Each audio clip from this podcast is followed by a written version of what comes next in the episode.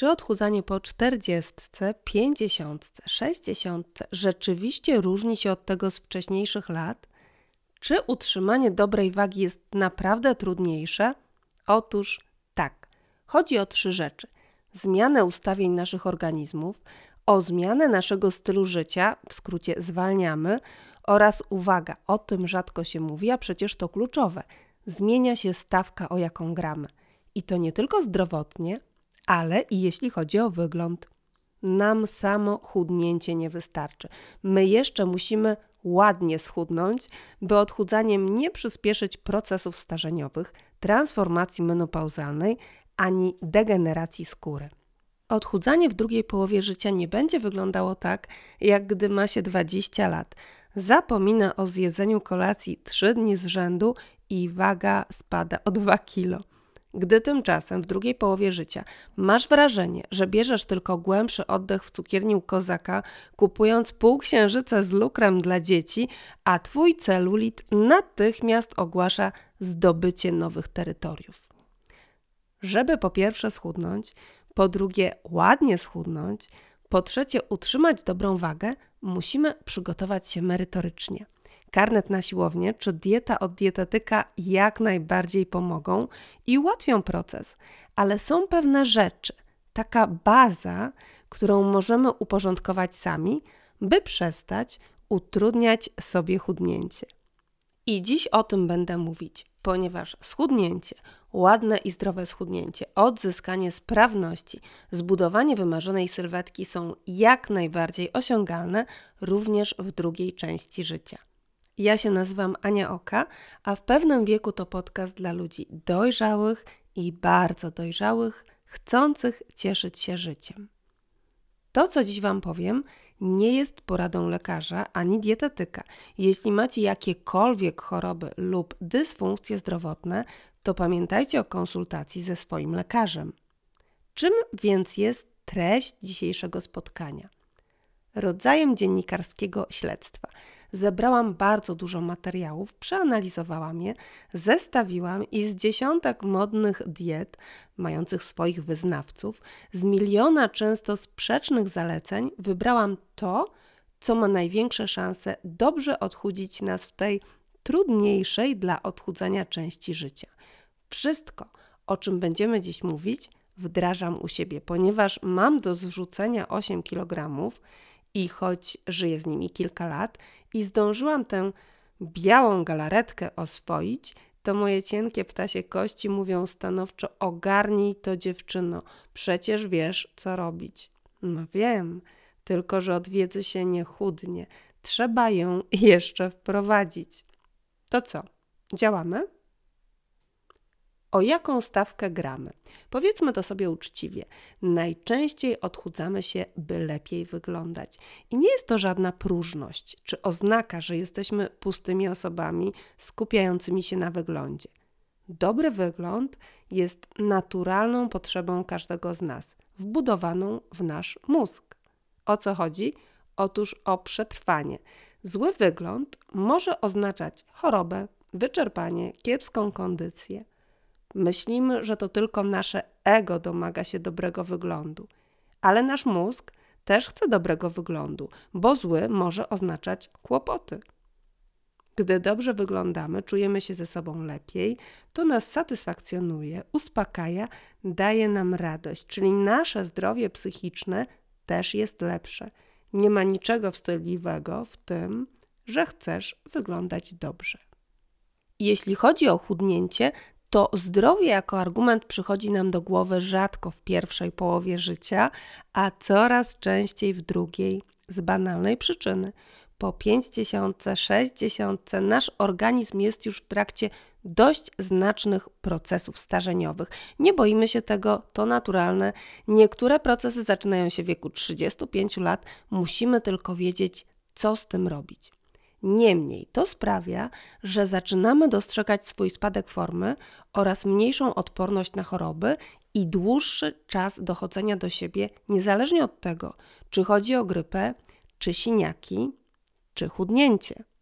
zdrowie zaczyna gwiazdorzyć i mocno skupiać na sobie naszą uwagę, a zdrowie znacznie łatwiej utrzymać przy prawidłowej wadze.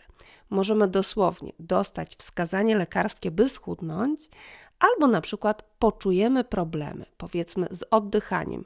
Wiadomo, im więcej ważymy, tym większą pracę musi wykonać nasz układ oddechowy, a przecież jego sprawność spada z wiekiem. Albo może widzimy, że nasz chód jest jakiś taki ciężki, często źle stawiamy nogę, stopy zaczynają się odkształcać, więc widzimy, że musimy zredukować masę ciała, by normalnie chodzić, bo jednak ta mała konstrukcja, czyli stopa, nosi ciężar całego ciała i to ma znaczenie, czy obciążenie wynosi 55, 70 czy 90 kg. Co sprawia, że z wiekiem trudniej nam schudnąć. Powtarzam to jak mantrę, ale naprawdę, żeby wiedzieć, jak o siebie zadbać, musisz wiedzieć, jak zmieniają się ustawienia Twojego ciała, a proces ten zaczynamy mocno odczuwać po 40, czyli w przypadku dziewczyn przy okazji transformacji menopauzalnej. Prawie każda z nas tego doświadczyła lub usłyszała od znajomej kobiety. Nic nie zmieniłam w diecie i ruchu, a zaczęłam tyć, albo zmieniły mi się proporcje figury. No niestety na gorsze. Jeśli chcecie dowiedzieć się więcej, polecam odcinek podcastu Wszystko, co chcesz wiedzieć o ruchu po 40, 50, 60. Ale w skrócie, co się głównie zmienia? Gospodarka hormonalna. U kobiet najważniejsza zmiana w transformacji meno to spadek estrogenu spada wrażliwość insulinowa i skład ciała. Zaczynamy tracić mięśnie, a zyskiwać tłuszcz. Mało tego, ten tłuszcz zmienia miejsce. Jego celem już nie są piersi i biodra, ale głównie brzuch. E, zmienia się też, czyli właściwie spada zapotrzebowanie kaloryczne. Do tego jeszcze zmieniamy swoje nawyki, a konkretnie rok po roku zmniejszamy swoją aktywność spontaniczną, czyli znowu zmniejszamy zapotrzebowanie kaloryczne. No i jeszcze jedno. Trudniej nam ładnie schudnąć, a to dlatego, bo nasza skóra też jest już po 40, 50 i nie bardzo lubi zmiany wielkości tego, na czym się opiera. Tyle trudnych wiadomości, a teraz sprawdźmy, jak sobie z tym poradzić. Co sprawia, że chudniemy i jak to osiągnąć? Punkt pierwszy deficyt kaloryczny i temu poświęcimy najwięcej miejsca. Czyli musimy jeść mniej kalorii niż zużywamy podczas doby. A wiemy już, że z wiekiem nasze zapotrzebowanie kaloryczne spada, o ile nie trenujemy intensywnie. Jak możemy uzyskać zdrowy deficyt kaloryczny? Poprzez dietę, ruch oraz usprawnienie działania organizmu dieta. Najlepszym rozwiązaniem jest zmniejszenie kalorii o tak pi razy oko 300 w stosunku do dziennego zapotrzebowania. Ale co ważne, nie zmniejszamy tych kalorii poprzez usunięcie oliwy, orzechów, ziaren, pestek itd., tak czyli wysokokalorycznych składników diety, ale jednocześnie mających to, czym żywi się nasz organizm, czyli to, jakby co on wykorzysta tylko rezygnujemy z ciastek, parówek czy innych przetworzonych pokarmów. Czy nie możemy uciąć więcej kalorii dziennie, by szybciej schudnąć? Dla każdego organizmu będzie to nieco inna wartość, ale nie może być zbyt duża. Chodzi o to, by organizm nie zorientował się, że dostaje mniej paliwa, bo inaczej włączy oszczędnościowe działania, które nie pozwolą nam schudnąć, a nawet jeśli schudniemy, to sprawią, że przy powrocie do normalnej kaloryczności szybko i dużo przytyjemy. No a nie da się cały czas jechać na bardzo niskich kaloriach. Poza dietą, ruch to świetny sposób na uzyskanie deficytu kalorycznego poprzez zwiększenie spalania. Boimy się ruchu, bo myślimy, że jak odchudzanie to tak jak na filmach, codzienne mega treningi do łez. Tymczasem nie chodzi o wielki sport, wystarczy zwykła aktywność. Sprawdź, jakie aktywności spalają dodatkowe 300 kalorii dziennie i wprowadź je do swojego życia. Ale uwaga, codziennie.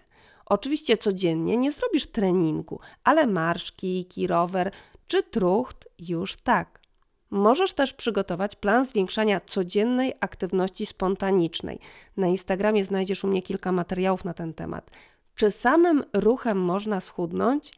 Tak. Zrobiłam kiedyś eksperyment dla portalu Foch i w miesiąc, przy wtedy jeszcze szczupłej sylwetce, schudłam 2,5 kg, robiąc codziennie wyłącznie krótkie treningi bez żadnej diety. Co więcej, w pewnym wieku chudniemy ładniej ruchem niż dietą i to właśnie warto zapamiętać.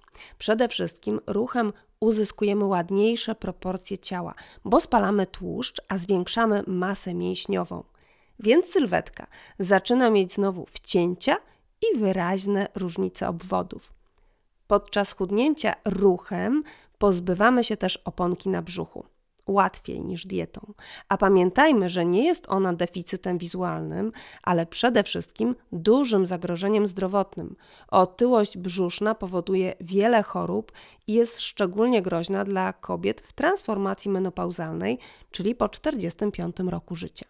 Dobrze, czy to znaczy, że w pewnym wieku lepiej jest chudnąć ruchem, tak mówią niektóre badania, ale szersze spojrzenie na odchudzanie po czterdziestce pokazuje coś, tadam, oczywistego.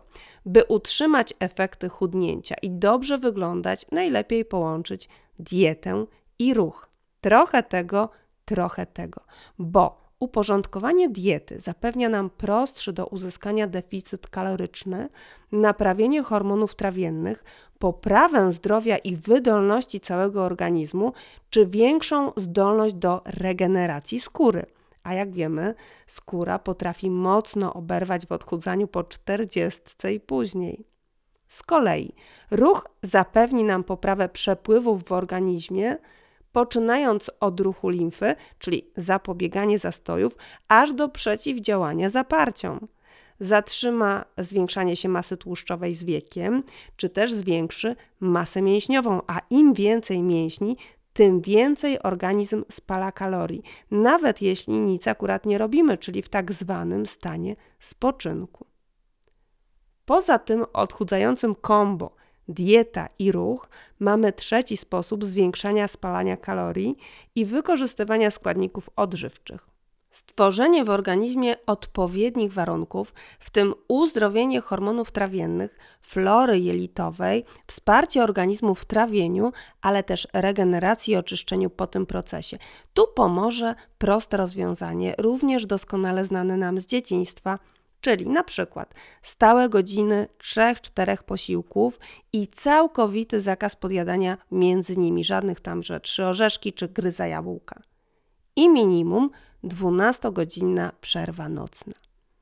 Te trzy działania dające nam deficyt kaloryczny bardzo skutecznie nas odchudzą, jeśli nie będziemy temu odchudzaniu przeszkadzać. Jak? Posłuchajcie kolejnych punktów. Punkt drugi to wysoko odżywcza w składniki dieta. Brzmi dziwnie, bo wysoka odżywczość kojarzy się raczej z przekarmieniem. Wyobraźcie sobie, że wasz organizm może wam wysyłać sygnały, że potrzebuje jedzenia, nawet jeśli dostaje dużo kalorii. Te kalorie pokrywają zapotrzebowanie energetyczne, ale nie zapotrzebowanie odżywcze, czyli na składniki typu witaminy, minerały, ogólnie to, co jest potrzebne do odbudowy, naprawy i działania organizmu. Organizm będzie się o te składniki upominał, nawet jeśli dacie mu zbyt wiele kalorii dziennie, jedząc pizzę, ciasto, białe pieczywo z żółtym serem itd. Tak czyli pozornie najedzony organizm będzie domagał się dalszego jedzenia. To oczywiście uproszczona wizualizacja, ale chcę, żebyście mogli sobie to dokładnie wyobrazić. Bo owszem, schudniesz, jeśli będziesz jeść mniej kalorii, nawet przy samych ciastkach, ale zwyczajnie nie utrzymasz deficytu, bo organizm będzie ciągle nawoływał cię do jedzenia. Nie uzyskasz poczucia sytości, a wtedy bardzo łatwo przerwać dietę. Jeśli chcesz schudnąć na stałe i utrzymać wagę, liczy się nie tylko to, ile jesz, ale i co jesz. Twoja dieta musi zawierać codziennie zestawy składników odżywiających organizm. Punkt trzeci. Bardzo podobnie wygląda sytuacja z nawodnieniem. Czy wiesz, że jeśli masz nawykowe odwodnienie, czyli nie dostarczasz organizmowi codziennie tego 1,5 czy 2 litrów płynów, a dokładnie 30 ml na kilogram masy ciała, policz to sobie, to nie jesteś w stanie odczytać sygnałów ciała. Organizm może sygnalizować pragnienie, ale ty odczytujesz to jako głód. Co się dzieje, gdy zaczniesz się prawidłowo nawadniać? Poza odzyskaniem zdrowia, ładniejszej cery, włosów, paznokci, zapachu, będziesz odczuwać większą sytość bez zwiększania porcji jedzenia. Taki efekt uzyskasz już po dwóch, trzech, czterech tygodniach prawidłowego nawadniania, zależy od organizmu. Czwarty punkt wymaga dużej cierpliwości i umiejętności odkładania nagrody w czasie. Ja akurat mam z tym problem. Jest to powolne chudnięcie. W pewnym wieku tylko powolne chudnięcie zapewnia nam ładne chudnięcie. Powodem jest głównie skóra. Tego chyba nie muszę nawet mówić, że po 40, 50 coraz słabiej z naszym kolagenem, elastyną, a nawet nawilżeniem co sprawia, że skóra nie regeneruje się już tak dobrze jak wcześniej i może się okazać, że po odchudzaniu, zwłaszcza gwałtownym, będzie jej o wiele za dużo. Dlatego im wolniej chudniemy, tym lepiej dla skóry i naszego docelowego wyglądu. 1 kg, 1,5 kg miesięcznie to świetny wynik dla osób chcących schudnąć na przykład do 10 kg. Oczywiście, jeśli mamy do czynienia z nadwagą czy otyłością i do zrzucenia jest na przykład 30 kg, tempo chudnięcia będzie większe, ale zawsze starajmy się, by nie było zbyt drastyczne. Czy możemy realnie pomóc skórze podczas odchudzania? No ba, poczekajcie na punkt ósmy. Tymczasem punkt piąty też wymaga cierpliwości, bo są to stałe nawyki w długim czasie. Co to znaczy? Uwaga, to ważne. Z wiekiem nasz organizm działa, nazwijmy to wolniej i mniej wydajnie. Teraz nie przestraszcie się, jesteśmy dorośli, mamy do tego kilkadziesiąt lat, ale chcę to lepiej zwizualizować. Działanie naszego organizmu zwalnia, psuje się aż do całkowitego zatrzymania. Musimy zrozumieć, że naturalnie nasz organizm działa inaczej, gdy mamy 50 lat, niż gdy mieliśmy 20. Naturalnie, bo to jest normalne, a to znaczy, że na efekty naszych działań będziemy czekać dłużej. Na przykład masz do zrzucenia 6 kg. Widoczne efekty odchudzania mogą pojawić się po miesiącu, ale mogą też po dwóch, trzech, czterech. I to jest największa trudność, by wytrwać w diecie, którą wybraliśmy, by stosować nowe nawyki, nowe aktywności, nawet jeśli dwa miesiące nie widzimy żadnych efektów. Powodów może być milion. Na przykład zrzuciłaś 3 kg wagi, ale zatrzymujesz wodę, bo zaczęłaś się regularnie nawadniać, a do tego jesteś w stresie, bo zmieniłaś nawyki i organizm musi przyzwyczaić się do nowego działania.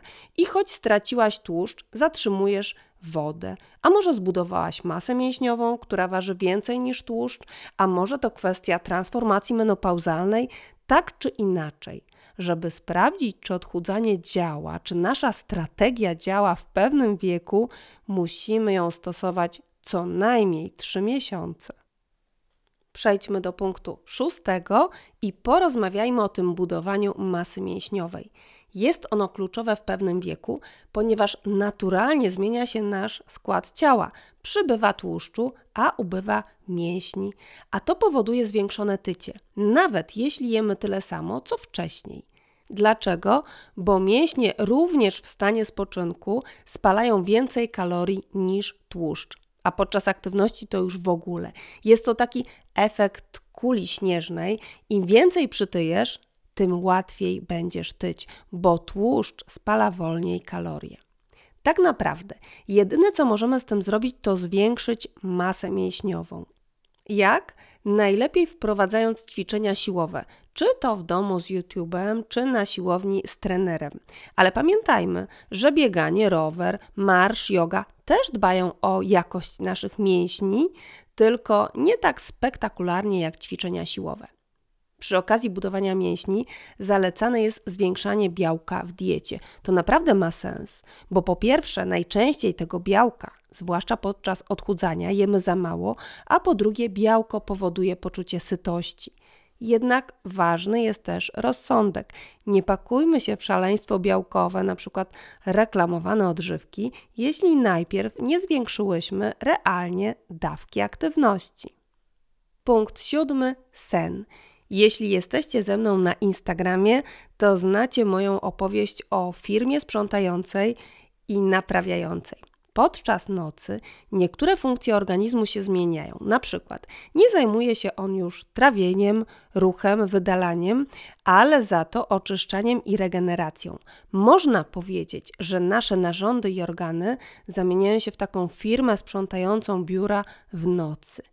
Jeśli taka firma nie posprząta i nie naprawi drobnych usterek raz czy dwa, to nic się nie stanie. Ale co, jeśli będzie tak codziennie? Nieuprzątnięte toksyny, nienaprawione mikrouszkodzenia każdego dnia, maszyny, które nie odpoczywają, nie stygną wystarczająco długo.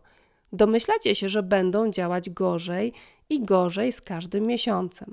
Żeby sen przyniósł pełne usprawnienie działania organizmu musi przejść wszystkie fazy, a to oznacza, że potrzebuje jakieś 7,5-8,5 godziny. Dodatkowo, jeśli nie dosypiamy, jesteśmy mniej odporni na kortyzol, a to jak wiadomo hormon lubiący tycie, zwłaszcza w brzuszku. Punkt ósmy Wam się nie spodoba. Naprawienie relacji z cukrem. Ale proszę, wysłuchajcie tego. Najczęściej myślimy, że z cukrem to chodzi o wysoką kaloryczność, a tymczasem to najmniejszy problem w odchudzaniu. Cukier zaburza gospodarkę insulinowo-cukrową, co oznacza na przykład dla nas konieczność podjadania między posiłkami, smak na słodkie po każdym posiłku, nawyk sięgania po słodkie lub wysokokaloryczne jedzenie przy każdym spadku energii itd. Tak Czyli cukier to nie tylko kalorie, ale i trudność z odchudzającymi nawykami. A to oznacza, że cukier utrudnia nam wytrwanie w zdrowych założeniach mających nas odchudzić. A to nadal nie koniec. Cukier przez proces glikacji niszczy kolagen. To znaczy, że nawet jeśli schudniesz wymarzone 10 kg i zrobisz to w dobrym, wolnym tempie, to skóra może wisieć albo się marszczyć, bo zabraknie jej elastyczności, by się zregenerować do mniejszego rozmiaru.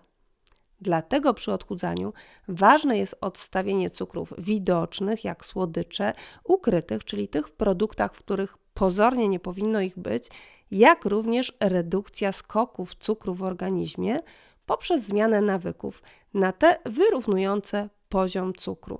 Na przykład w każdym posiłku najpierw zjedz warzywa jeśli jesz deser, to bezpośrednio po obiedzie. Po jedzeniu nie kładź się, by zawiązał się tłuszczyk, jak mówiła babcia, tylko wyjdź na 10-20 minut marszu. Wiemy już, co robić, by ładnie chudnąć. To teraz dwa zdania o tym, jak zmienić myślenie o odchudzaniu, by po schudnięciu nie doświadczyć efektu jojo pewnym wieku Twoim celem nie jest schudnięcie do wymarzonej wagi. Twoim celem nie jest jej utrzymanie. Twoim celem jest utrzymanie nawyków sprzyjających dobrej wadze. Tym samym cel nie zostanie osiągnięty, powiedzmy, nie wiem, 20 sierpnia na urodziny i koniec. Ten cel jest stały, codzienny, wieczny i trwa do ostatniego dnia Twojego życia. Jeśli Twoim celem będą zdrowe nawyki w odżywianiu i ruchu, a nie konkretna cyfra na wadze i konieczność utrzymania jej za wszelką cenę, nigdy nie spotkacie efekt jojo, a wymarzona waga do końca życia będzie tylko efektem ubocznym Twojego stylu życia. Patrzcie, co się dzieje dalej. W chwili, gdy Twoim celem staje się działanie, to każdego dnia czujesz, że zrealizowałaś cel, dajesz radę, dowiozłaś, możesz być z siebie dumna, nawet jeśli waga jeszcze nie spadła tak, jakbyś chciała. Znowu się rozgadałam i zapomniałam powiedzieć, że jeśli lubicie podcast w pewnym wieku i moje działania na Instagramie, to zawsze możecie mnie wesprzeć, stawiając mi kawę. Link znajdziecie w opisie odcinka. Co bym chciała, żeby Was zostało po dzisiejszym spotkaniu? Wiedza, że problemy z chudnięciem, jak również z utrzymaniem wagi po 40, 50 i dalej są naturalnymi konsekwencjami zmian zachodzących w naszych ciałach, ale też, że są proste sposoby, którymi możemy sobie z tym poradzić. Jedyny magiczny składnik odchudzania, który musicie dodać w pewnym wieku, by schudnąć skutecznie, ładnie i trwale, to cierpliwość i konsekwencja. Nie ma drogi na skróty, ale choć jest to droga długa, to gwarantuję, że dotrzesz tam, gdzie chcesz. Jest to nasze pierwsze z dwóch spotkań dotyczących odchudzania w tym sezonie podcastu. W jednym podcaście wszystkiego nie udało się zmieścić, mimo że mówiłam skrótowo. Więc dziś mamy omówioną bazę odchudzania. O terminie drugiej części dam Wam znać. Tymczasem zapraszam Was na kolejny odcinek. Zmierzę się z bardzo trudnym i wzbudzającym kontrowersję tematem, czyli opieką nad starszymi członkami rodziny. Ale postaram się poza merytoryką dodać nam też trochę otuchy. Zapraszam serdecznie, Ania Oka, dziewczyna w pewnym wieku.